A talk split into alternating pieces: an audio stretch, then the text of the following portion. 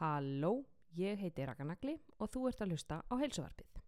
En heilsuvarpið er í bóði nettoveslanna og ná á Íslandi. Nú ég vil mæla með að þú hlaði niður samköpsappinu í símaðinn en þar færðu 2% afslátt í formi innegnar í hvert einasta skipti sem þú vestlar inn með appinu. Appið heldur líka utanum kvittanendaninnar svo þú hefur yfirsýn yfir bókaldið. Og ég veit að það eru sumir ónemdir þáttastjórnendur sem að þurfa þess með.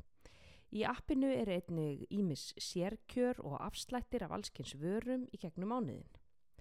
Nú, ef þú hliður niður appinu fyrir 30. apríl 2022 þá ferði í lukkupott og úr honum verður dreyið og þú getur átt möguleika að vinna 100.000 krónur í formi innegnar í appinu. Nú það munar um minna í buttinni, svona í byrjun janúarmánuðar. Þú færð auðvitað líka allar návörur í öllum nettóbúðum en þessi þáttur er einnig í bóði ná á Íslandi. Mér langar að mæla sérstaklega með stefjadrópunum frá ná. En ég hafði nú notað alla drópa undir sólinni, alveg bara allt sem hefur verið framleitt frá 1990 og upp úr, en aldrei fundið einhvern veginn þá réttu. Það kom aldrei þetta góða bragð. Það var alltaf mikið stefjabragð en alltaf lítið svona álfuru svona ísbragð eins og ég var að leitað. Fyrir en ég kynntist nádrópunum en þá var komið þetta brað sem ég var að leita sem að færði mér nostalgíu aftur í álfeima ísbúðina. En það var einmitt í gegnum þessa drópa sem ég kynntist hinnum frábæru návörum en ég fór að panta þá að utan frá bandaríkunum til Danmörkur.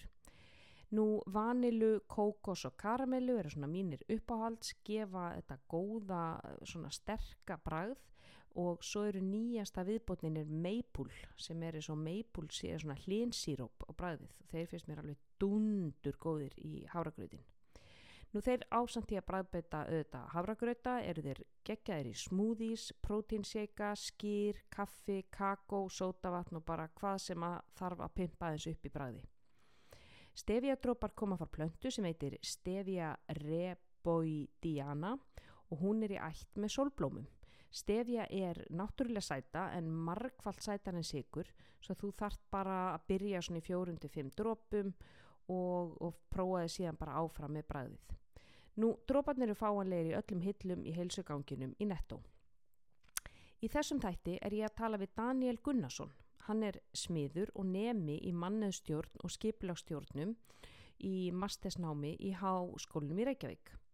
E, Daniel fór í magaermi í mæ 2021 og hann talar hér um reynslu sína af þeirri aðgerð, breyttar matavennjur með nýtt magarými, hvernig hann hefur aðlagast því, hvernig hann hefur unnið með sitt e, hugarfar, gagvart mat og sínar breyttu, sitt breytta minnstur í kringumat og hvernig hann umgengst e, mat og salgeti hann talar um líkamsýmynd sína bæði fyrir og eftir aðgerð og eins einelti í æsku sem hann varð fyrir vegna vakstalags og þetta margt, margt fleira. En uh, gjöru þið svo vel, takk fyrir að hlusta á heilsuvarpið og hér er ég að tala við Daniel Gunnarsson.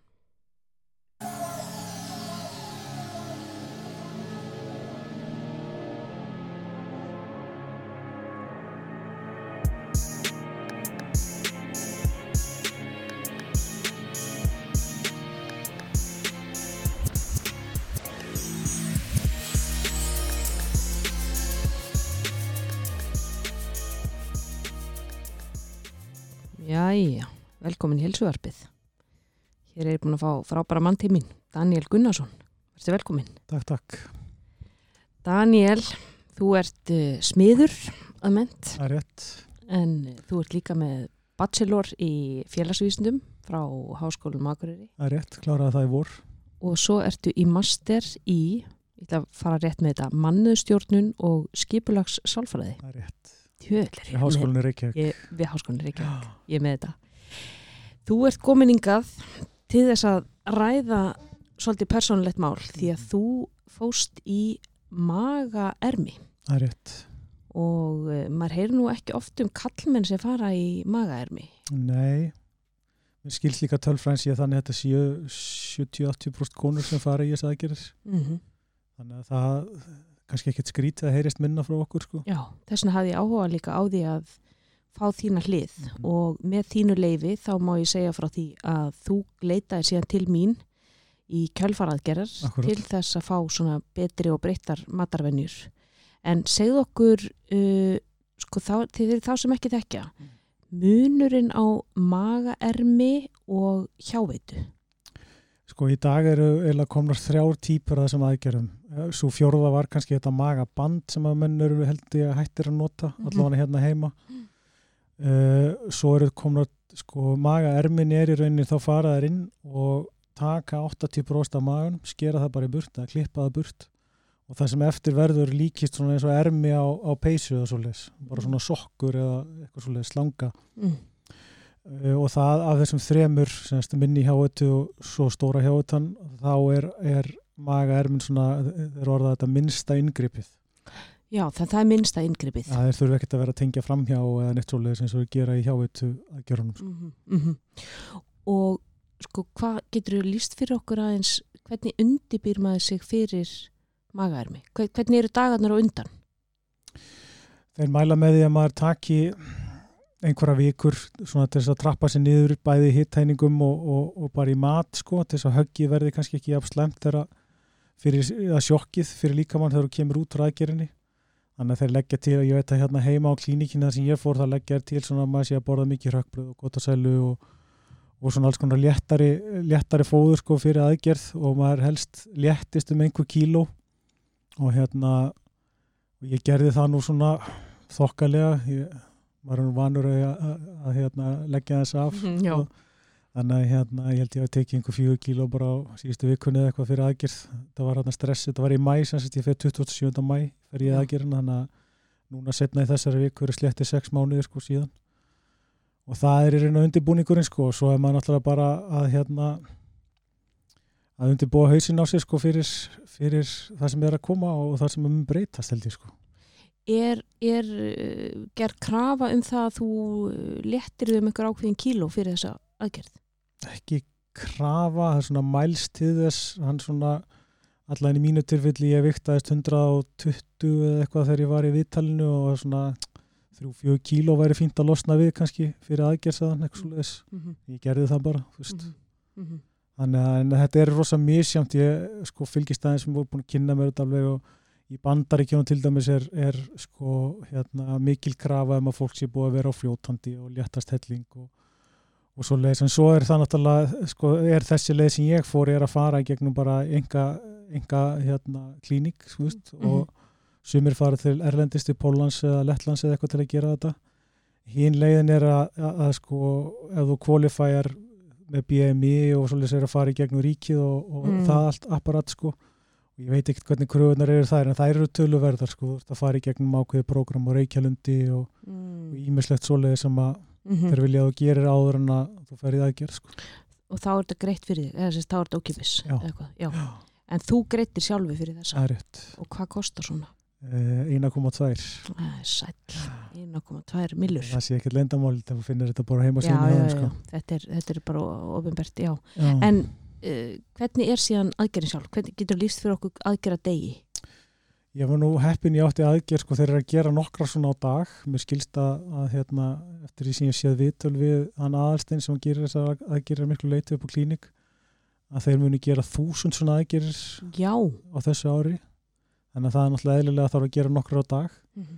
þannig að mín var ég var átti tíma held í nýju morgunin þannig ég mæti bara og, og hérna og þeir fara enn eins og yfir með mér hvað er að fara að gerast og svona og, og hérna svo fer maður þarna bara inn og er í rauninni bara svæður. Og í mínu tilfelli var veist, ég hef verið svæður einu sinni að tvisvar áður fyrir aðgerðan nýja og eitthvað svona. En, en hérna svæfingin fór eitthvað illa í mig þannig að ég var lengi að vakna. En hérna það var allt í lagi sko því að það sem að klínikin býður upp á í þessu er að, að maður hérna, er hjá þeim eina nótt. Veist, þannig að ég fór bara mér var bara að trilla í vöknun og svo þaðan fór ég bara upp á fínt hótelherbyggja hérna upp í ármálunum, allir þetta held ég til Íslandi eða eitthvað Þetta svoleiðis. er gamla Hótel Ísland. Akkurat. Maður var nú að ná sálarböllum í gamla Einmitt, daga. einmitt. Mhm. og hérna og þar eru þeir með helviti flottastu sko, hérna, og hjú, koma hjúkur og tjekka á manni og þú veist, Mm. setja vökva í æð og allt þetta Mm. sem þarf að fylgjast með sko, Það gistur nóttina áður eða gistur nóttina eftir nóttina eftir. Já. Já. Mhm. þannig að þeir fylgjast alveg með manni og, og svo útskrifast maður frá þeim morgunin eftir Já. maður er hjá þeim í alveg eins og ég var að hjá þeim í alveg sólarhing sko. Já. Kemur hérna nýju morgunin og svo ferður morgunin eftir Já. heim. Já. og hvað gerist þegar þú ert komin heim? Þetta er í rauninni bara ótrúlegt sko með að við með að við í rauninni hvað þeir eru að gera. Þeir náttúrulega klippa bara alveg 80% af maganum. Mm. Veist, ég hef oft sagt sko ef ég væri með svona stóran skurð á húðinni eins og maður var með innan í sér já, þá hefði maður verið rúmlíkjandi í marga vikur eða eitthvað sko. En ég var í rauninni komin bara veist, út í göngutúr daginn eftir sko. já, það er svoleiðis. Já, og þeir mælast til þess að maður sé mikið að lappa um og svona bara til þess að losna við, maður er fullur af svona gasi sem er, hérna, maður er blásin upp sko og sest upp í axlirnar og það sé óþægilegt fyrstu dagana. Og hérna til að losna við þetta og koma meldingun í gang og svona aftur er, er mikilvægt að hreyfa sig þannig að maður fór bara út í, í gönguferðir og, og svo leið sko. Já, þannig að þú ert ógislegt veður mann ég hérna í mæ þannig ég gekk mikið fram og tilbaka á stegapallinum í blokkinni okkur. Já, svona út í stegagangur ég gekk þar fram og tilbaka. Þetta var bara verið eins og í dag ráslaðilegt rigning og rók sko. já, já, einmitt. Þannig ma maður redda sér. Já, já, já. En þannig að og, og, en þú finnur í rauninni ekkit, sko, þú ekkit auðmur allur svona Nei. inn í þér og ekkit óþægilegt að lappa neitt svoleiðis, nei. En sko, hvernig næristu fyrstu dagana? fyrstu tveir dagarnir eru bara tær, tær vökvi.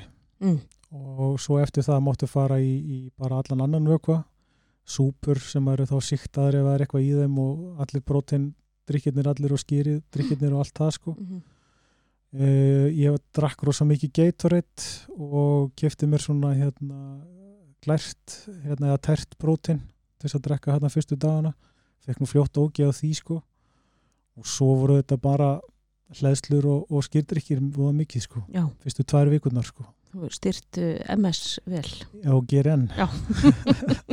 Komið hlutabrið þar. Já, líku við sko, já. ég ætti alveg ég þarf alveg að ringi það að fá spónseldi sko Já, Þetta hvað hva er Edvald? er- En um, þannig að, að uh, þú ert í, í fljótandi fæði og svo ferði svona yfir í, þú ert alveg í tærum vöku og svo ferði aðeins svona fastari fæði eins og skýr og, og hlæðslu og svona. Já. En hvernig er, þú veist, hvernig fer þetta í þig? Hvernig, hvernig sko, get, finnur þú fyrir meldingun? Er þetta að fá bakflæði? Er, Sko ég hef ekki fengið neitt bakflæða neitt svoleiðis Nei. og hérna, það eru vissilega sumir sem fá það en, en þeir mæla með því ef þú ert að, semst, að takast á við slæmt bakflæði eða bakflæði yfir höfuð þá held ég að þeir mæli með frekar hjávit að gera honum annar hvori mm, að því að þá, það kemur ég vekk fyrir bakflæðið sko, mm það er aðgerðis -hmm. en hérna já, maður er á þessu fljótandi fæði svo kvölduðu fyrstu tvær vikurnar og svo eftir það má maður fara að taka inn það sem ég kalla maukað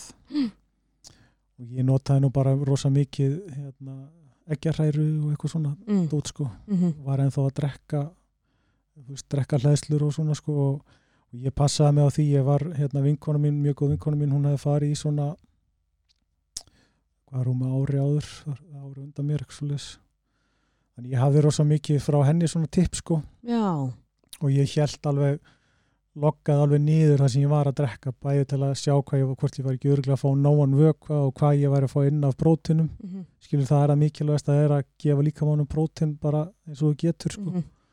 og hérna þannig ég held alveg nákvæm að skrá um það alveg fyrstu dagan og kannski vikurnar eftir aðgerð sko. Já, þannig að þú ert allir mikið í skýrun og hlæðslunni og því til þess að fá inn prótínið svona úr, úr möguðu fæði. já, Já, einmitt.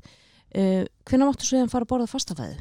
fjóra vikur Mm. þá má að byrja að blanda því inn í sko og byrja bara rosa hægt sko og tyggja rosa vel og þá í rauninni byrjar byrjar þessi vinna þú veist að hérna hvernig ætla maður að umgangast mat sko Mm. Mm -hmm. Og hvað ætla maður að gera Einmitt.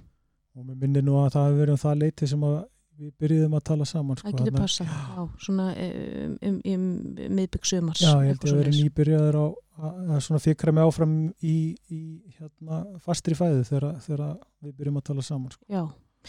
Uh, segðu mér af hverju ákveðstu að fara í magaðarmi? sko maður er alltaf búin að heyra um þessar aðgerðir núna í nokkur ár fyrst koma hjávita aðgerðirnar stóri hjávita aðgerðirnar þar sem að maður frétti að fólki og sá fólk og einhverju kom í fjölmiðla þar sem að þú veist, lögðu alveg ofbóðslega mikið af eftir svoleiðis aðgerðir. Og svo fer maður að heyra um þessa, þessa minni hjáveitu og, og magaður minna núna síðust ár, ég veit ekki hvernig maður fyrir að taka eftir þessu fyrst. Og hérna ég veit ekki sko hérna þetta var einhvern veginn alltaf eitthvað sem aðrir voru bara að gera. Mm. Ég setti þetta einhvern veginn sá aldrei sjálfa mig einhvern veginn ætla að fara þessa leið eða, eða bara spáði eiginlega ekkert alvarlega í því. Fyrir en að, hérna, þegar ég er að flytja semst í bjóa Akureyri núna síðustu 8-9 árun 8 árun líklega og ég er að flytja söður í fyrra að þá fer ég að hitta aftur gamla vinkonum mína sem að ég er búin að þekkja lengi og, og, og var bara litlu sambandi við eins og gerist og í millitíðinni þá er hún búin að fara í svona aðgerð Mm.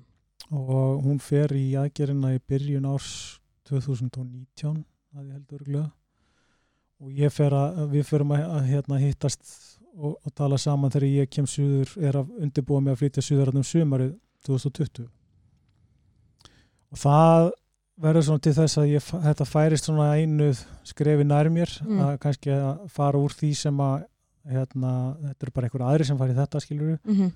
yfir í það, ok er þetta eitthvað sem ég vil skoða fyrir mig Mm -hmm. og þannig eiginlega byrjar ferlið hjá mér sko og hérna uh, svo var líka rosa góður uh, sjónvansþáttur eða sjónvansþættir sem að hérna hún söngkona, hún hérna Hera Hér að Björk, já. akkurat henni var fyllt eftir í þessu ferli alveg í þrjú ári ef ég mann rétt Mm. sko og ég tengdi rosa mikið við það sem hún var að tala um í þessum þáttum sko. Eins og hvað? bara hvernig það er að vera hérna, í yfirþyngd sem krakki og veist og bara bara alls konar hlutur sem hún var að tala um sem að, sem að svona já, ok, þetta, þetta á kannski við um mig líka Hvernig er, í, hvernig er að vera í yfirþyngd sem grakki? það er það er ekkert spes sko Nei. Það bara verður að segjast eins og er En sko, hvernig varstu í yfirþyngd? Varstu, varstu myndur þú segja að værir, hefur verið offittu eða þú veist, varstu bara svona eins og maður myndi kalla þippinn Nei, ég eða? held ég hafi alla tíð sko, ég man ekki eftir mér öðru sér heldur en í flokknum veitur sko Já. og hérna, þú veist, ég hef þá bara verið þippin á leiðin að verða feitur sko Mm, mm en ég man ekki eftir mér öðru sér heldur en sem sagt, að ég myndi, sjálfsmynd mín er þannig að ég sé feitur sko Já, já. og það er kannski öðru vísi í dag af því að því miður virðist, virðast sko fleiri börn og fleiri fleira ungt fólk vera í yfirþyngd og vera, fá þessa skilgringu að vera feitt sko. Mhm, mhm. og hérna það var, ég meina við erum á sama aldri og þú manst bara hvernig þetta var, það voru ekkit svona margir Nei, það feitir þá. einn eða tveir í bekk sko, já, og það er þannig. Við vorum í mínum árgangi til dæmis ég fór í svona SAP-skóla sem hann kallar gagfræðaskóli fyrir norðan sko, fættur upp alveg akkur og þú veist við vorum tvö, þrjú kannski í mínum árgangi Þetta var, þetta var, þetta var svoleiðis, ég meni við erum, við erum bæði 79, eða ekki? Já. já, Uh, og þá var það sko bara, þú veist, gulli feiti eða Akkurat. feiti, skilju, það, þetta var, hann var bara nefndu þannig en, en ég var gaman að vita einhverja statistík í dag, sko. og sem betur fer held ég að sko Daniel var ekki eins vinsælt nafn þá eins og það er núna Já, þannig að einhvers staðar er ég ábúinlega að kalla það Danni feiti en ég hef ekki orðið það, það er, þetta er ekki eitthvað sem var ofinbært viðnefni á mig nei, sko. nei, nei, og ymmið. hérna þurfti ábúinlega ekki til að því að Dannarnir voru ekki margir sem voru Nei, þú veist ekki aðgreina þig út frá holdafari. nei, og hérna en auðvitað þú veist, ég meina hvernig þú spyr hvernig er að vera feitur sem krakki þú veist, það er bara, það er bara alls konar sko. Veist, það er Varstu, hérna var þið strýtt, varstu laður í einhelti?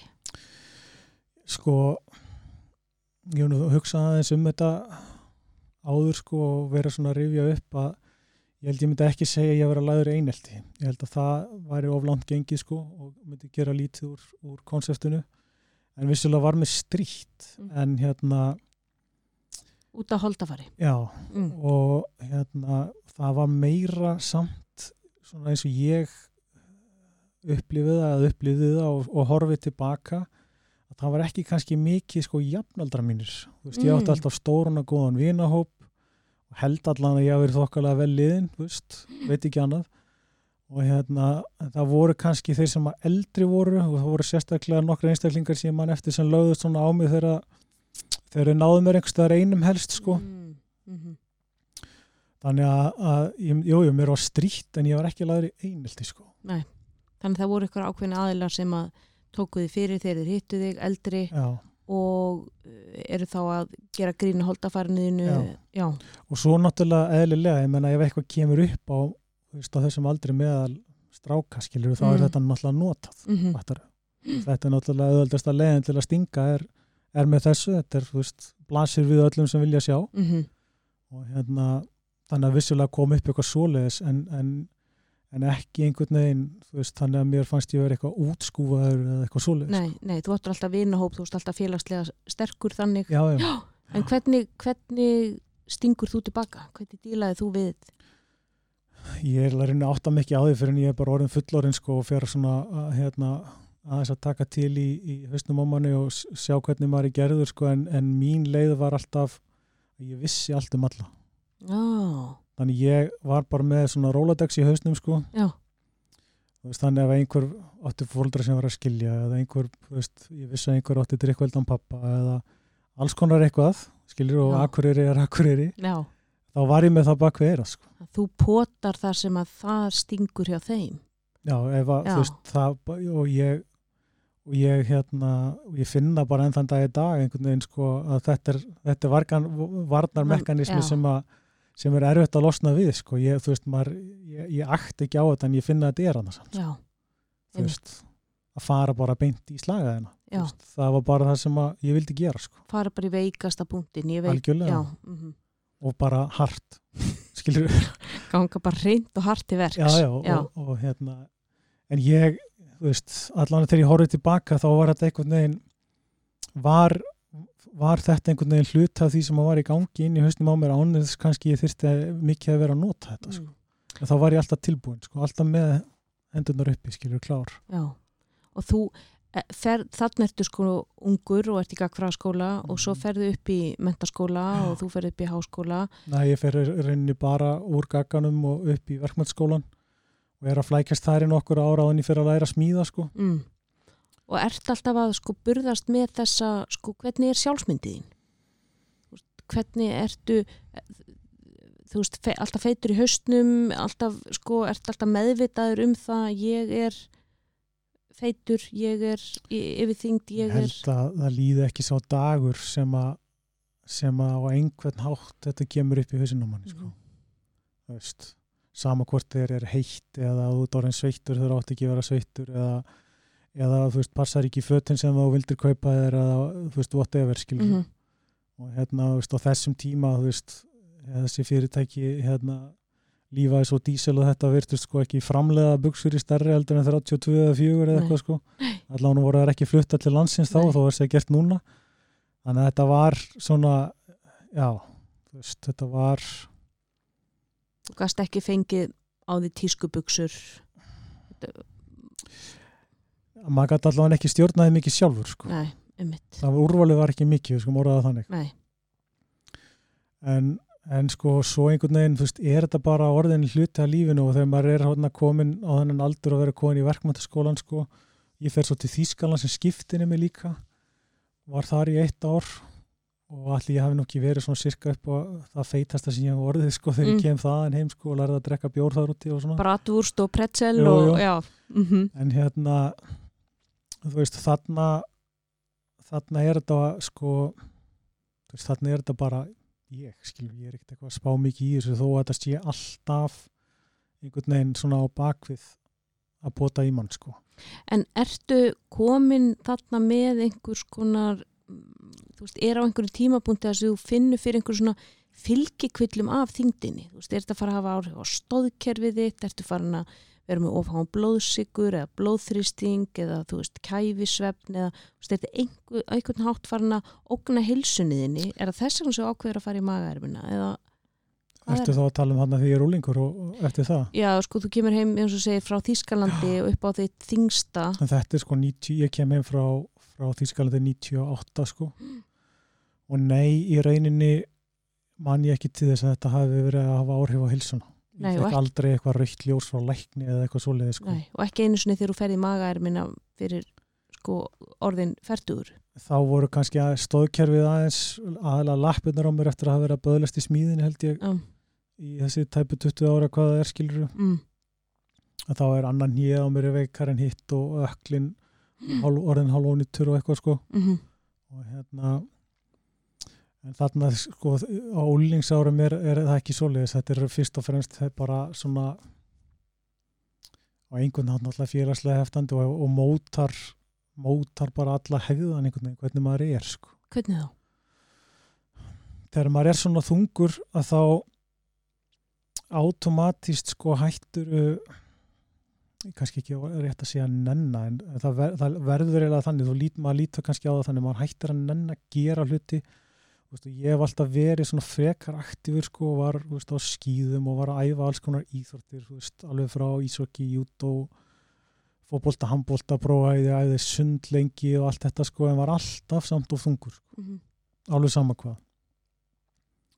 þannig að, að svona með aldrinum að það einhvern veginn svona dregur þetta bara úr orku mm, þú veist, ég held ég geti Mm. bara líst í þannig að núna þegar ég er að upplifa það sem ég er að upplifa í dag sko, þá, þá held ég geti bara best líst í þannig að maður, þetta dregur bara úr einhvern veginn lífsorku sko. mhm, mhm, Þú veist, vissulega fer maður og gerir hluti en ég menna hvert sinn sem ég fór í, í fjallið á, á skíði eða bretti skilur að þá var maður að drepast í löpunum og þú veist, Mm. það var alltaf rosa erfitt fyrir mig að vera á skautum mm, ég fekk svo mikið ilsig sko, ég gæti alltaf staðið þegar ég kom út á svellinu sko, samt Mm. æfði ég í hokki í nokkur ár sko, mm, það var þú veist og allt þetta og þá var ekki hægt að fá skauta sem voru breyðari veist heldur en fyrir venjulega fætur sko mhm.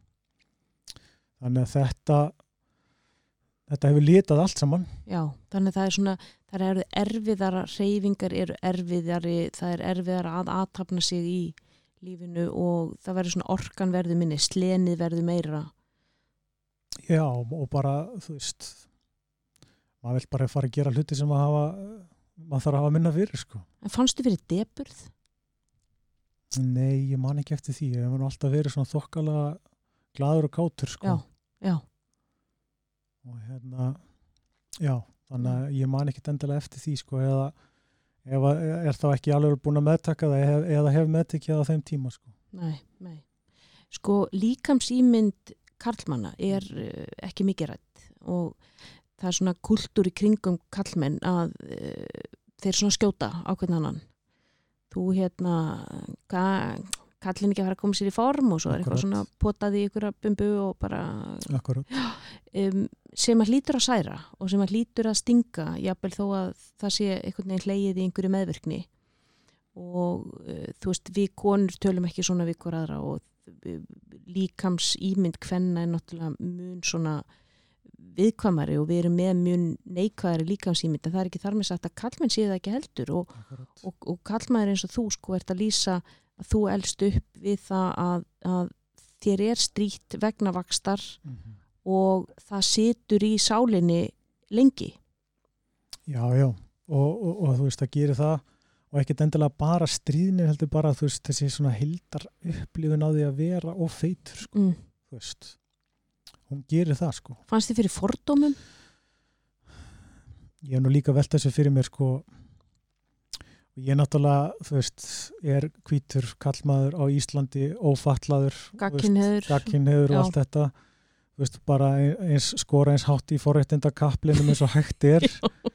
Fyrir utan það að vera feitur Já, skilur þannig að í rauninni seg, myndi ég segja þessu bara nei, ég hef ekki fundið fyrir fordómum, ekki þannig.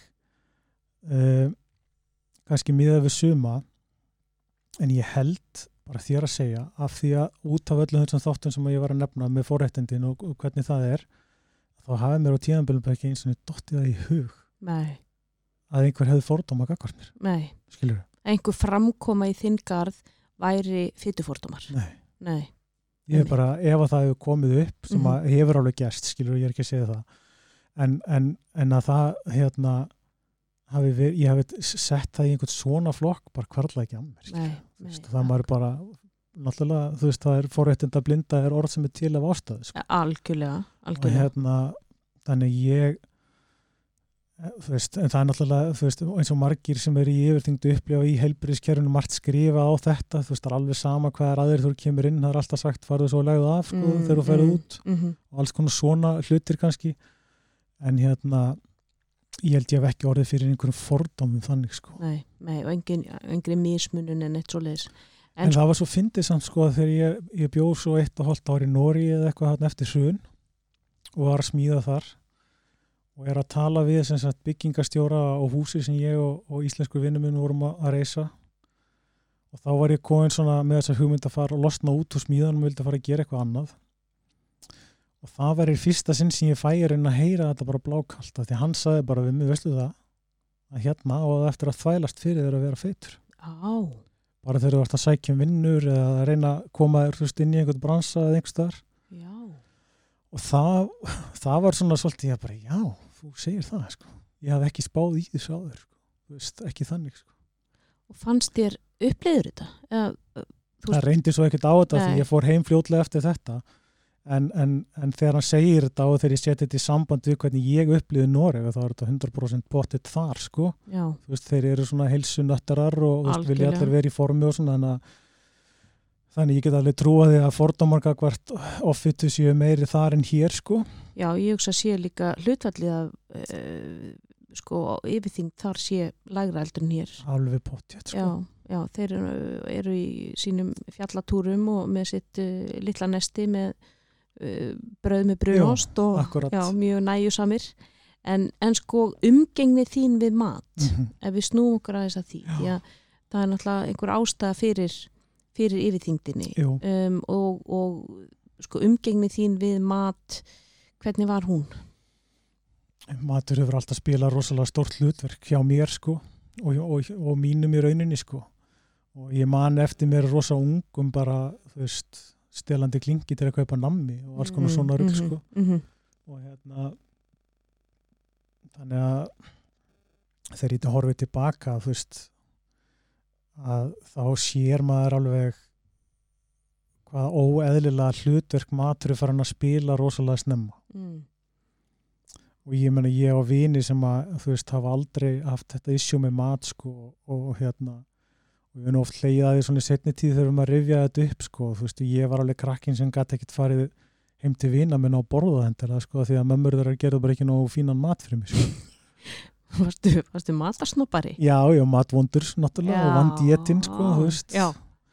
og hérna, og þú veist, það skipti mig bara svo miklu máli að, þú veist fá eitthvað almennt að borða mm -hmm. þú veist, að ég, það var farið bara að vissu leiti, þú veist, hafa mikil áhrif á límitt, skilju, hver, hver, hvert ég ákveð að fara, hvað ég ákveð að gera hvernig, hvernig svoleiðis er, sko, og þetta byrjar bara rosa ungt, sko, mér, sko. Og einmitt svona í okkar vinnu við vorum alltaf svolítið að krifja þetta einmitt að sko matur var uppspretta svo mikillar gleði og Já.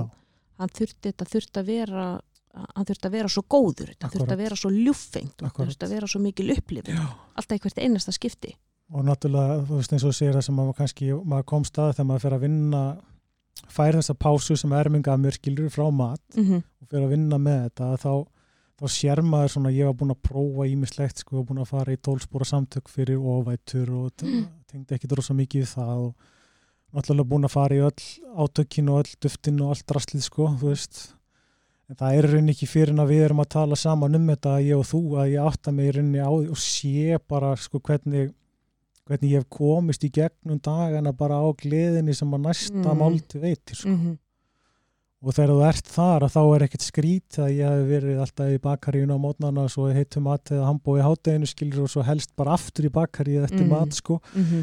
þú veist þannig að þetta er, þetta er svona meikara, meira sens fyrir mér í dag hvernig, hvernig ég var að nota mat sko. Já, matur var að þjóna öðru hlutverki heldur en að næra því. Matur fyrir að vera vinuðinn, fyrir að vera hækja fyrir að vera uppsperta gleði Já. og hamingu, þegar þú ættir í rauninni að fá hana annar staðar frá. Algjörlega.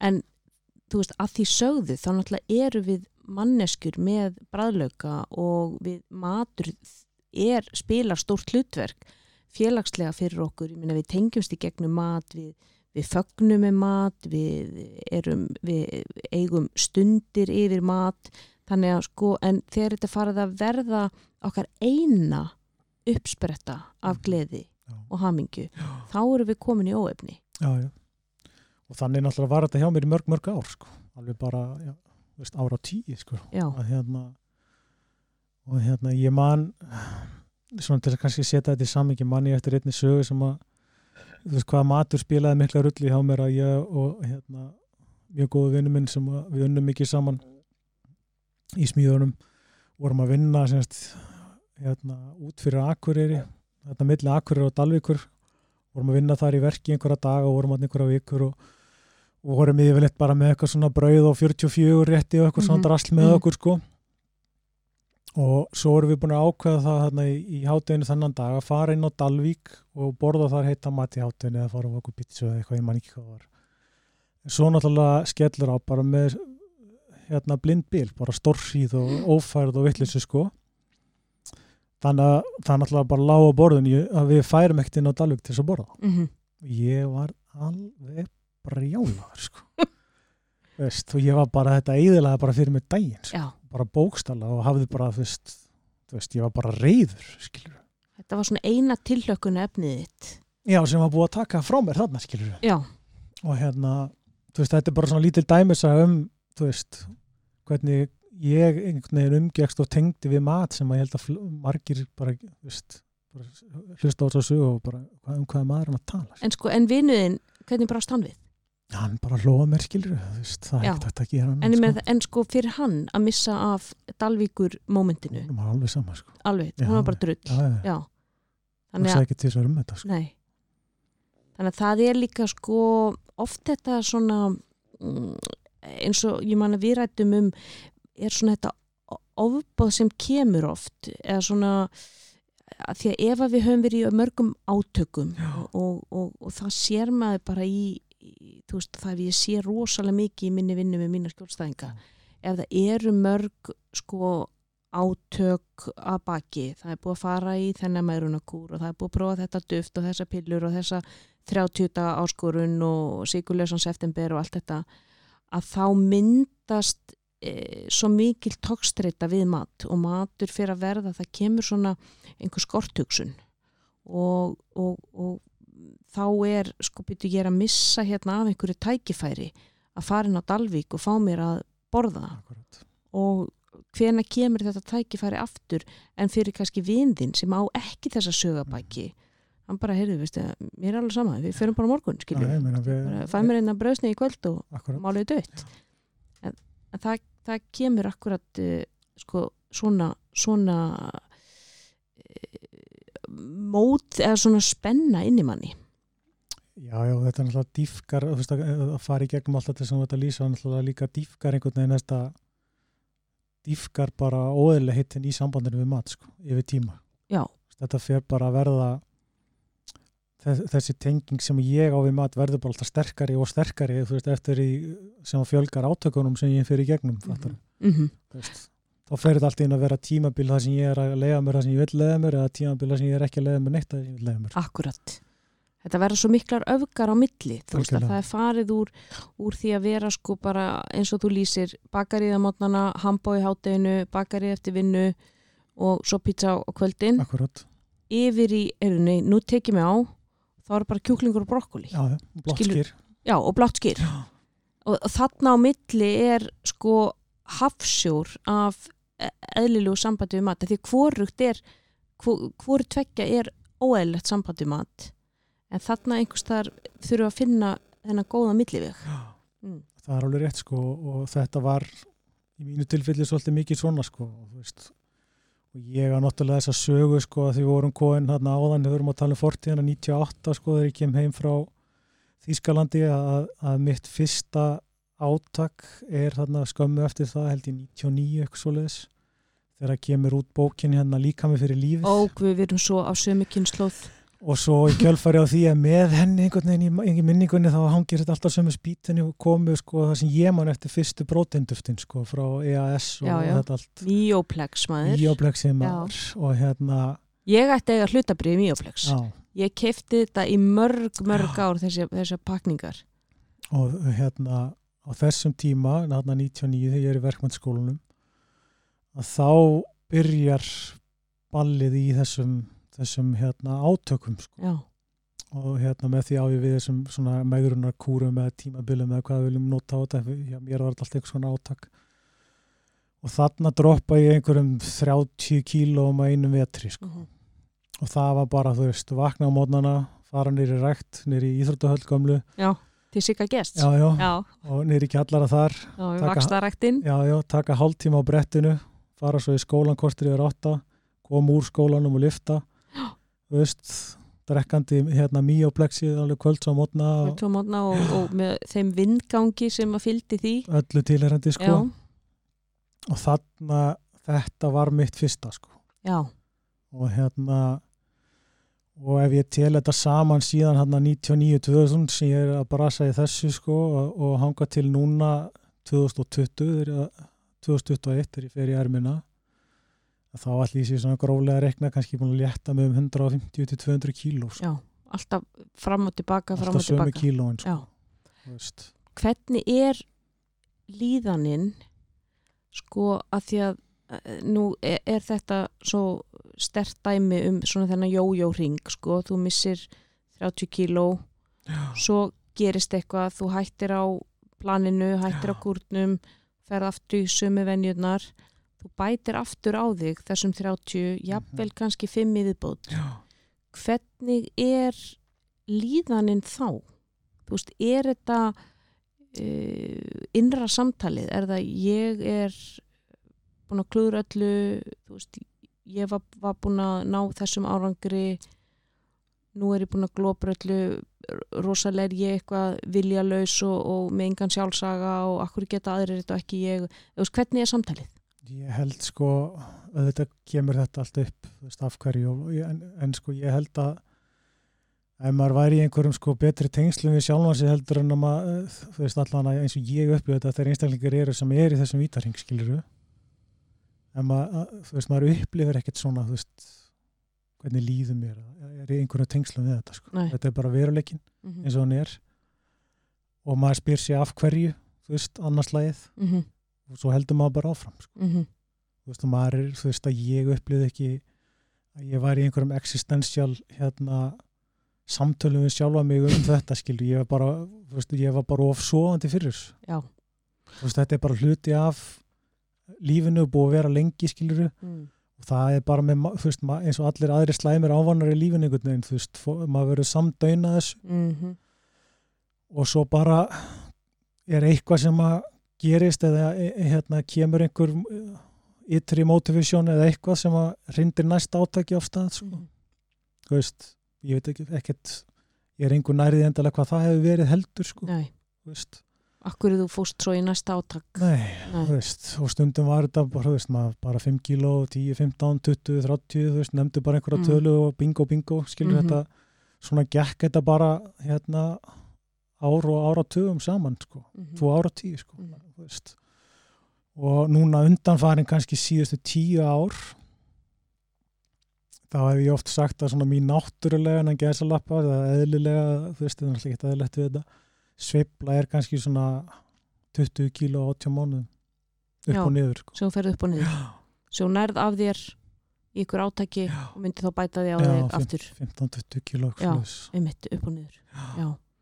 En sko það er kannski kjarni málsins einmitt að það er alltaf einhverja tilfinningar hérna undir niðri en það er bara, heyrðu við bara sópum þeim undir teppið já, já, og höfum þær bara þar og erum ekkert að díla við það en hérna, en ég fæ eitthvað smá dopamin skot hérna úr þessum kleinring hérna. já, já. Já, eða hvað sem það er sko. þú veist, þannig að þannig að þetta er einhvern veginn ótrúlega skrítin staðar að vera á sko, að vera, þetta er svo stór hlut hennar lífum mann sem samt er maður algjörlega svoandi fyrir, fyrir hvernig þetta virkar inn í manni sko, hvað áhrif þetta er að hafa á mann sko. líkamsýmyndiðin þegar þú ert að fara sko yfir þetta sko inn í þessa magaermi.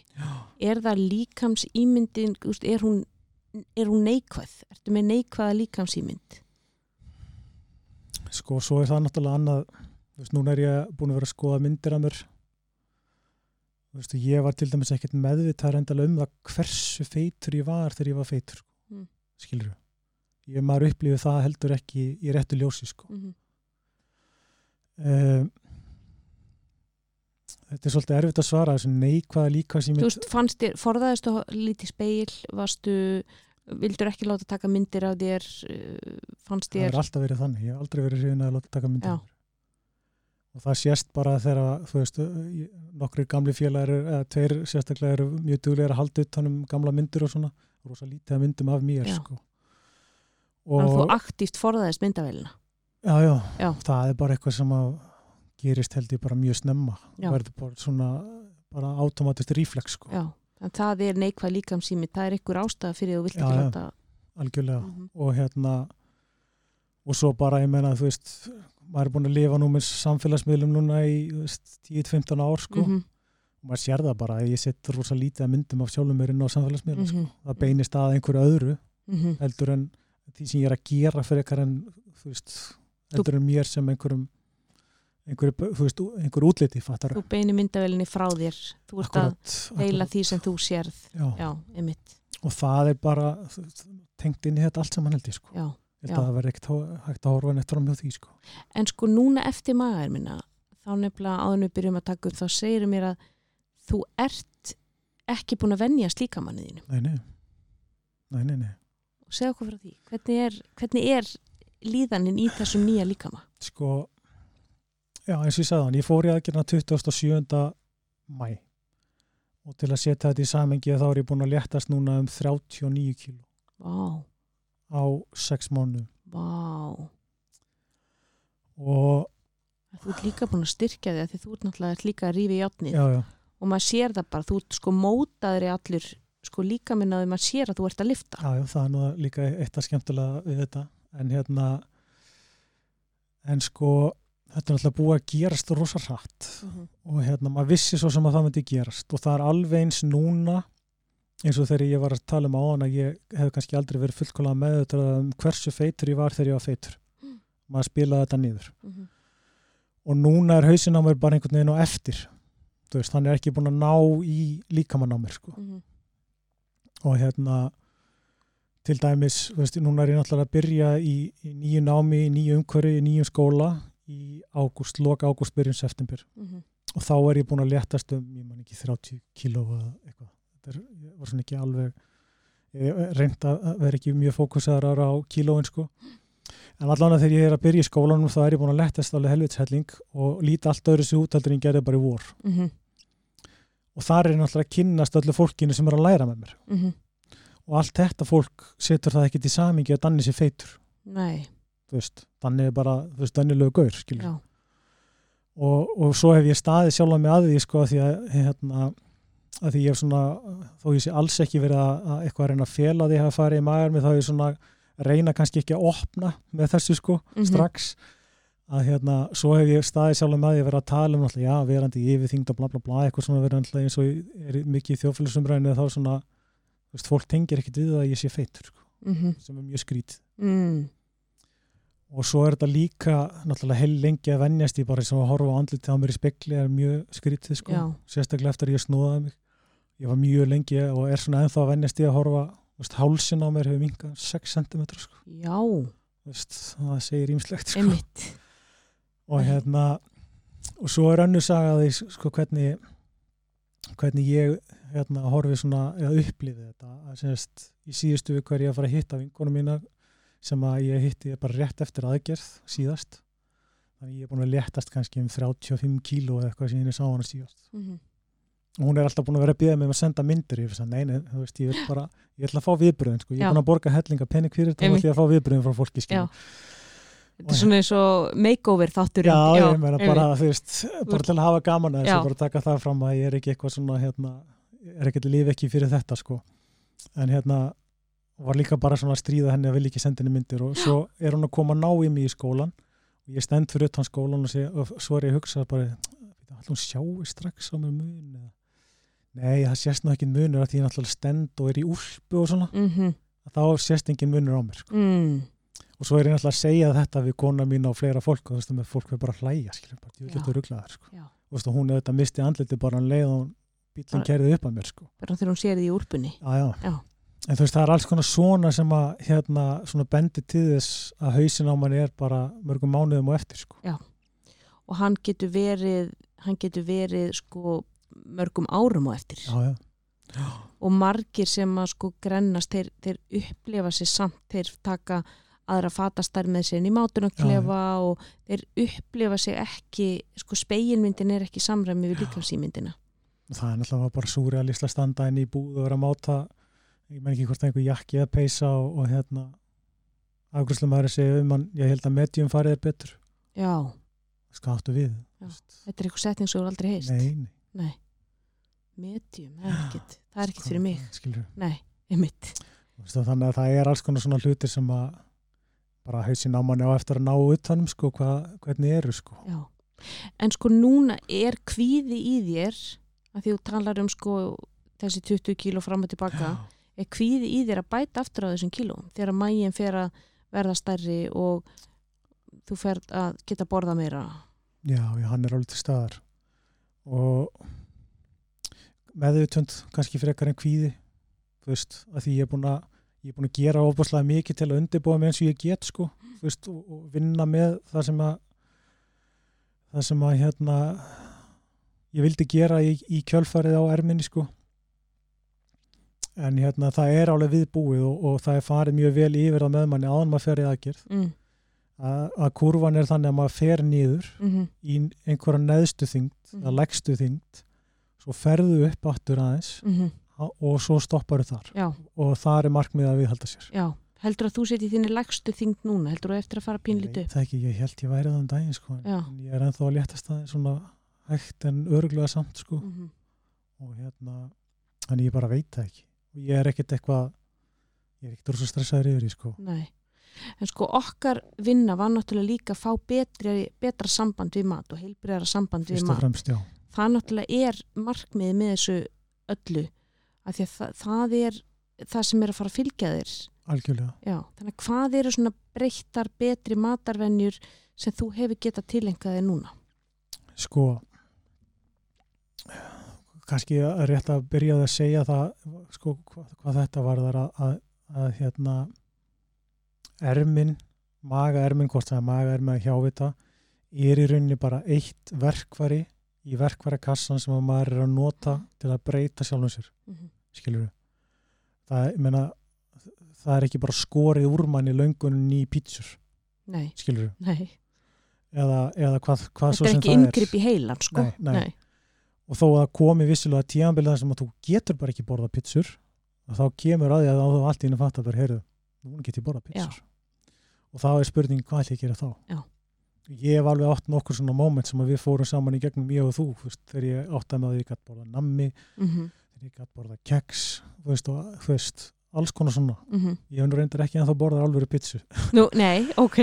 og þá en hérna en þá, þú veist, þetta er það sem að eh, hérna, verkværið erfinn gefur manni er þessi kvild Mm -hmm. frá frá matnum einhvern veginn og frá því að, að, að hérna, þurfa að vera í baráttunum við þetta pluss það náttúrulega geta borða miklu miklu minna Mhm. og það sem fylgir því að fara í svona aðgerð og maður verður að gera sig grein fyrir og ég vonandi allir sem ger, fara í svona aðgerð gera sig grein fyrir að það, það verður bara verða ákveðni hlutur að breytast að því Mhm. annars bara fokkar og líkamannum maður upp sko, sem getur skemmt að þér magan og átt alls konar vesen maður verður að hæja á sér og ert að borða Mm -hmm. uh, maður verður að tyggja vel Mhm. og maður borðar ekki á mikið sko. Og það er minna með er minna, er sérstaklega hjá það þar færðu það alveg hiftalega í bakið þú borðar á mikið og hratt Já. ég hef tvísarsinu lent í, í því að borða of mikið eða of hratt Mm og þurft að fara á guppa Já. Það var ekki skemmtileg tilfinning sko. Nei. og hérna þannig að þetta er það sem ég er búin að vera að vinna rosa mikið með alveg bara frá því ég byrjaði að tyggja mat aftur eftir að ég er bara að hæja á mér. Já. uh, tyggja rosa vel. Og, og vinna svona með það hvernig ég umgengst mat. Og, og við fórum saman ég og þú náttúrulega gegnum alls konar núvitund aðgerir aðferðir segja og hérna ég, það, ég er ennþá bara eins og ég segja og, svona haldi hvori grína en það er fulla alvara. Ég lifi lífinu mín í dag bara svolítið á tæmöndum í úrunu sko. Það er líka eitt af því sem að breytist við að gera að, að þú mátt ekki lengur drekka með mat. Nei, alveg rétt. og það fyrir mig, ég held að það væri það var, þú veist það sem ég sá sem meira áttar issue, verið meira áttar issue fyrir mig eftir aðgerð. Akkur. Því ég náttúrulega er maður sem drakk allavega hálfuna kók Já, goslaðir alveg í, í kókinu með matnum. Já, og að maður- maturinn var góður Já. fattu? mhm, og hérna þannig að þetta eru svona þessi hluti sem verða breytast sama Mm. hvort þau líka betur eða verð sko. mhm, og fyrir mig hefur það virka best að, af því sem við fórum í gegnum og, og ég hefur verið að tilenga mér að, að ég nota tæmurinn mikið þegar ég er að borða Já. Það, semst, það virka líka fyrir mig að, að búa til máltíðana mína mhm, að hérna vera svona sirka hvað ég ætla að borða mikið mhm, og mér að við svona lófastærð eitthvað svo leiðis og hérna og svo bara þegar ég kingi þá setjum ég bara tæmurinn í gang bara skeiklukkan í gang á úrinu og býð bara í tvær myndur Já, að tökur næsta bita. já. Já. og tyggur rosa vel Já. það hefur gengið það gekk miklu betur en eftir vonu að tyggja sko Er þetta að telja tiggingarnar? nei, ég Nei. bara alveg alveg helvitsælling Já, tiggur þetta alveg nýri bara Já. öreindir. ég get sagt það að sum, sum matvæli eru þannig gerða að þau eru ekki gerð til þess að tyggja mikið Eins og, pilsur í brauði til dæmis já, Ég man að ykkur sem að hlustið að næstir að fá ykkur pilsu að prófa að tyggja hana alveg hanga til að hún er ekki orðin að neinu. ég fæ bara svona, ó, Það er nefnilega ekki bragða pilsum eða pulsum eins og þið Já. segja hérna verið sunnan. Það er ekki bragðað nema bara fyrstu 5-10 skiptin sko. Svo er bara, er þetta orðað einhverju svona gulli, oh. bragðlösu gulli uppið þér já. sko. Og ég get ímyndað mig líka brauðið orðið svona, svona tyggjað alveg í drasl, sko. Já, nei, þetta er ekki Ég kombinasjón. prófaði þetta um daginn nýri skóla og ég hérna, held að ég láti þetta bara vera. Já, þetta er, og þetta út. Já. Já. Og þetta er það sem hefur virkað best fyrir mig að vera með svona útlistaða málti Mm. og, og vissulega nota minni diska og, og, og hérna minni nýfabjóra svona drall Mhm. þegar ég er heima sko Mhm. og þú veist og þegar ég kaupi á salatbarnum í skólanum fyrir mínar 300 krónur í rekstri. Já. Að vera þá með minnsta bakkan skilur og allt þetta þetta gerir þetta bara þægilega og skemmtilegra og svo er það þetta það, það, það munar öllu fyrir mig að taka bara tíman. Á milli bytta Já. þú veist það því að ég þú veist, þetta er eins og við höfum komið inn á þér og hausin á mér er, skinnjar ekkert endilega raunveruleikan eins og hann er. Nei, þú veist, ég vil bara stinga næsta byttanum upp í mig strax sko. Já, og þetta líka hefur fyrir mig góð félagslega áhrif. Af því þegar ég er að borða með fólki já, þá er ég núna svona, þegar ég gerir þetta þú veist, oft þegar lí- læt ég líða lengra en tvær myndur á milli þá er ég svona cirka jafn lengi kannski að borða eins og þeir sem eru að borða með mér já, því þú ert með miklu minni skamteldur en þau, já, menn, og ef ég rusla í mig bara fimm Já, bitum þá er ég ertu bara, bara veist, búin á mínútu. já, Já, og þá þarf ég bara að sitja og, og veist, já, horfa á hina og Já. vera einhvern veginn horf, vera með samt ekki Já, þannig að þetta virkar svona að tvennan já, tvennskona máta fyrir mig sko. Já, félagslega ertu með og, og, og nærð einhvern veginn að peysa þig með hinum sko og Já. nærð að vera samanraða á þau Já. Og svo líka bara fyrir þig og magan að, að ná að melta þetta og, Já. og þú leggur frá þig nýfapurinn og einmitt, ég man að við vorum í þessari vinnu sko að akkurat, setja klukkuna stað, býða aðeins og, og líka sko það sem fólk átta sig ekki á einmitt að þú kemur inn á þetta að drekka með mat er að þú nærð að tyggja miklu færri skipti þegar þú ert að sturta í þig rosalega miklum vökva. Já, því að þá bara einhvern veginn verður þetta að þú nærð að kingja hálftugðum einingum með vökvanum ofan í maga. Þetta hefur bara mjög slæm áhrif til dæmis að þarmaflórunni hjá fólki. Já, já, þegar að til dæmis opna þarmaflórun þannig er bara hálftugðir kjötbitar sem á að gerast að því að þessi mög, mög, meldingarensímin byrja í munninum. Já, já. Og þegar við erum að tyggja og tyggja vel. Og náttúrulega fyrir, fyrir þá sem eru búinir í þessum aðgerðum að, að sko mægin er alltaf búin að missa þess að geta til að kremja mat hennar stórulta til sko. þannig að þú verður að gera þetta með munnunum sko. já, og hérna svo líka ef maður gerir þetta svona þá verður þetta ekki jafn ábyrrandi kannski fyrir þá sem er að borða með manni hvað maður er að borða lítið. En færðu aðtjóðasemdir já, ég hef náttúrulega fengið svona kannski fyrst þegar fólk veit ekki sko og segir það, hvað rúsa ertu að borða lítið eða? svona matgrannur og eitthvað svona já, sko. já, og fæst undum hvað ert á keto því að mikið af þessu eru egg og, og eitthvað svona avokado og drasla og eitthvað svona sko. Mhm. en hérna neini, ég hef ekkit, ekkit fengið mikið af einhverju svoleiðis kommentum sko. En svo þegar maður er búin að borða þá er mælst til þess að láti hálftíma líða ánglum maður byrjar að drekka Mhm. og helst svona kortir hálftíma frá því að hættir að, að drekka ánglum maður byrjar að borða og ég er ennþá með 40-50 mínutur mér finnst það bara má ekki vera að minna fyrir mig. Mér finnst bara að vera matur niður í, í erminni í maganum ég vil ekki skóla niður. Nei, og hérna þannig ég setja bara tæmur en það er ég búin að kingja síðasta bitanum. 40 mínutur og þá veit ég hvernig ég má byrja að drekka. Mm. Mm. og svona verður maður einhvern veginn að fara í gegnum daginn að passa sig að drekka nóg og borða nóg Hvað heldur að líði langu tími eða hvað segja þér að líði langu tími þannig til að þú ert farin að borða eðlilegt magn og geta drukkið með mat, veist, hvað þarf að hvað er það langt frá aðgerð? Nei, aldrei sko Aldrei. Nei. Þannig að þetta mun vera líf þitt það sem eftir er, það er að býða með að drekka, Já. með geta ekki drukkið með mat, Já, þannig að þi- þið, þetta er bara, það eru svona hlutir sem þú verður að gera upp við þá hann er ferðið aðgerina Já. hvort þá er til í eða ekki sko.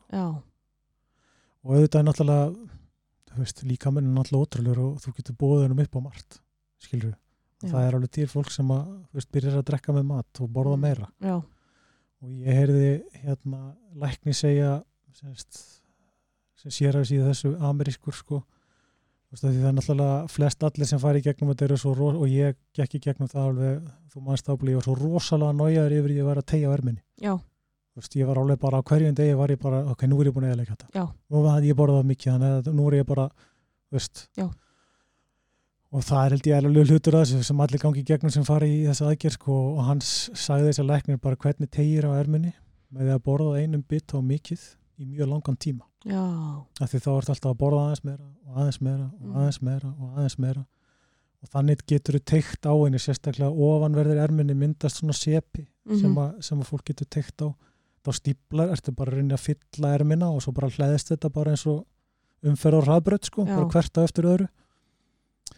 En, en hérna vissulega eikst magni sem maður getur borðað held ég svona kannski eftir ár eitthvað svo leiðis maður er á þessu sem kallar svona honeymoon period núna. Og hérna vinkona mín til dæmis sem að ég var að tala um á hún getur borðað aðeins meira en ég og aðeins hraðar en ég mhm, þegar við erum að borða saman en restriktionið af erminni er komið til að vera og veist, það er alveg þannig sem ég vil hafa það. Já, veist, ég vil að ekkert geta farið aftur í að borða heila semst tóum bitsu sko. Nei, þannig að þú mynd alltaf þurfa að borða miklu minn, em, sko smærri máltíðir, oftar yfir daginn, Mhm. hvernig gengur þér, þú uh, fullvaksta kallmaður, að fá inn nægar hitaðinningar? sko, ég hef nú ekki trakka kaloríur ég gerði þetta og búin að gera þetta þess að þrjus síðan eftir aðgerð aðalega bara til að fá svona raun mat á það hvað ég er að borða Mm -hmm, það þurfi ekki að hlusta á hausin á mig sem segir ég sé annarkvæmt að borða mikið og lítið mhm, Ég hef ekki gert þetta grúndíkt sko síðan að, að ég fór í gegnum þetta með þér síðast fyrir tveim mánuði með eitthvað svoleiðis bara búið svo mikið að gera, ég ekki bara geta einbjönd að þessu og þá var ég að komast í svona 1300 hittaningar á dag. Já, heldur þú sérst eitthvað þar núna? Ég held að þetta sé svipað, já. Já, en myndu einhver tíman komast upp í e, þessar 2500 hitaðinningar sem að kallmaður að þinni stærð þarf? Já, já ég, ég held það, að sé ég, sé ég, ég er í rísa stórum alþjóðlegum Facebook-kópum sko sem er samt, eða, sko segja amerískum Facebook-kópum, þetta er langstæst miklu meiri litur til amerikanar og þar er álega kallar sem eru farnar að borða veist, þetta sem þú segir 2000-3000 hittæningar Já. semur mér þess að meira og eru komnir alveg náttúrulega komnir alveg inn í bodybuilding hérna heim og Já. eitthvað svona sko Já, að því að sko einmitt að því þú ert líka að lifta og þú ert að reyfa þig að þú í rauninni þart meira heldur en 2500 já, já, þannig að á einhverjum tímapunkti myndur geta komist þangað þá bara með því að borða maður getur náttúrulega að borða aðeins meira aðeins meira og hugsa þá um hvað það er sem maður er að fara niður Já, sko. bætt kannski eins og við töluðum um fytunni inn Jú, jú. að því að hún er svo, hún er svo þétt í sig og þarf svo Já. lítið magnafinni til að fá Já. hitaðinningar þetta snýst um prótinið Já. alltaf prótin Já. það er bara grundallarreglan nummer eitt byrja á prótinu byrja prótinu já, og það bara gildi fyrir alla já, já, bara fólk er yfir höfu sérstaklega konur ég þarf yfirleitt að taka konur aðeins í gegn og segja, heyrðu, þú verður að bæta meira prótini í, að þegar kallar eru svona þú veist, þeir eru svolítið kjöt og, og karteblur sko, akkurat en konur eru svona þú veist, þetta er kjúklinga, bringa kannski, þú veist, þetta er það er verið svolítið að skera við nögl. Og maður náttúrulega spilaði og búin að vera að spila núna grimma varnabaráttu um öðana já, í sex mánuði. Já, og, veist, ég bara sitja hérna núna og horfa á lærfuöðuna á mér eða lærin á mér og þau eru bara þeir eru bara smá luta því sem þeim voru sko fyrir 8 mánuðin síðan. Já, það er náttúrulega auðvitað, þú þarft þarft hitaeiningar til að halda. Líka minn er, hann vill ekki vöðva sko, Nei, nei. þetta er svo orkufrekur vefur að Já. um leið og hann sko er farin í baráttu um það um þess að 1300 hitaeiningar sem að eiga að knýja allt þitt innra starf áfram þá er ekkert mikið að fara að byggja vöðva sko, Nei, það er ekki mikið eftir. Og ég segi alltaf svona í, í gamni að, að líka minn á mér liði á lærfiðunum á mér í Já, 6-8 vikur sko eftir aðgerð sko. já, einmitt ég horfði bara á að minga sko. Já, hann nartaði sko. bara amin og sírurnar þar Alveg úr. sko. Bara náði allt bensinni sem hann þurfti bara í lærin á mér sko. mælur með magaermi við fólk þú veist, hvað þarf fólk að uh, hvað þarf fólk að uppfylla að þínu mati til þess að fara í magaermi hvað, hvað, hvað þarf að vera af hverju ætti maður að fara í magaermi sko það er fyrst og fremst þetta viðhór sem ég var að lýsa á þann að, að maga ermi eða maga efna skipta aðgerðis sko kalla þetta það bara næri verið allt að þær eru fyrst og fremst verkværi í kistuna. Mm -hmm. Þær eru bara eitt af mörgum verkværi sem þú þarf til að takast á við þetta. Og hérna og ég gatt einhvern veginn nálgast þetta þannig og, og, og hérna hef verið hjá sálfræðingi eins og veist Mm -hmm. og ég er búin að vera hjá enga þjálfara og sjúkurþjálfara og, og, hérna og, og nálgast þetta svona nálgast þetta rosa mikið þannig ég verði svolítið var við það þetta viðhorf að að hérna þess að aðgerið sé svona eitthvað shortcut eða stittri leið skindilust bara skyndilaust Mm. og það er alls ekki gott viðhorf bara fyrir bara okkur sem samfélag að hafa fyrir þá sem þurfa á þessum aðgerðum að halda mm.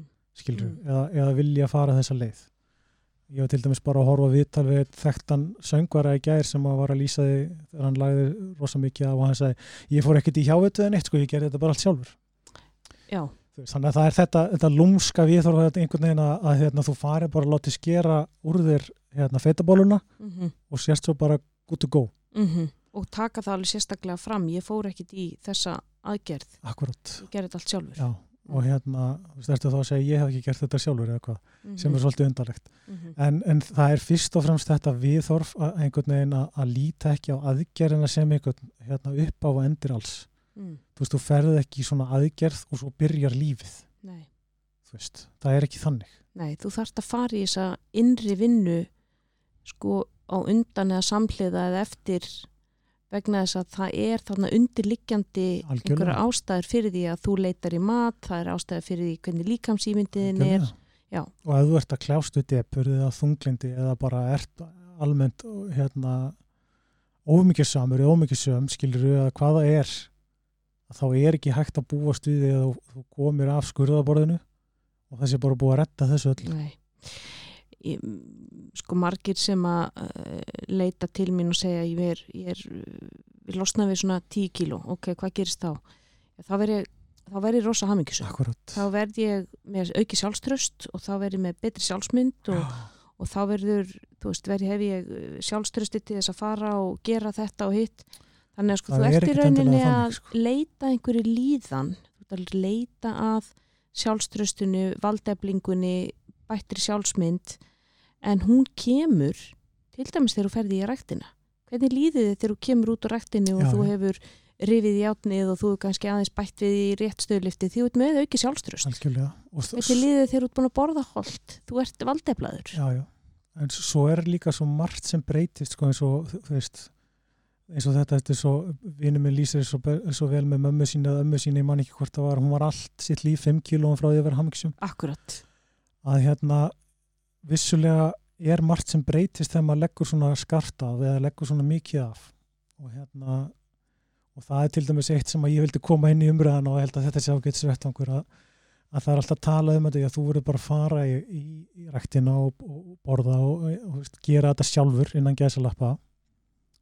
Það er til dæmis eitt af því sem ég er að átta með á núna núna er ég búin að vera undir rosa miklu álægi skólanum brjála að gera og veist, allt þetta að vera mestarinn á mig og, en ég hef samt látið æfingarnar vera í forgangi Mm -hmm. skilur þú alltaf bara tekið langan dag í skólanum og farið svo æfingu og eitthvað og, og ég er búin að heyra í mörg mörg ár einmitt kannski frá fólki eins og þér og, og alls konar fólki að hérna að þegar maður er komin að staði í rektinu og farin að reyfa sig eða hvað, hvort sem fer í rektina eða hjóla eða hvað það er sem hann gerir að þetta fer að gefa manni svo mikið þetta fer að Mhm. gefa manni orku og svona mhm, og ég taldi mig alveg að upplifa þennan tímapunkt Mhm. þegar ég var ennþá feitur skilur það tók mér rosa marga mánuði að komast þangað Þú veist, að allar æfingar sem ég gerði væri ekki bara sjúa úr mér orku. Mm, og ég held ég kannski hefði upplifað einhvern tíðan að komast á þannig stað að ég væri að fá eitthvað tilbaka. Já, ég, ég sé það, finn það í dag ég komst aldrei á þann stað.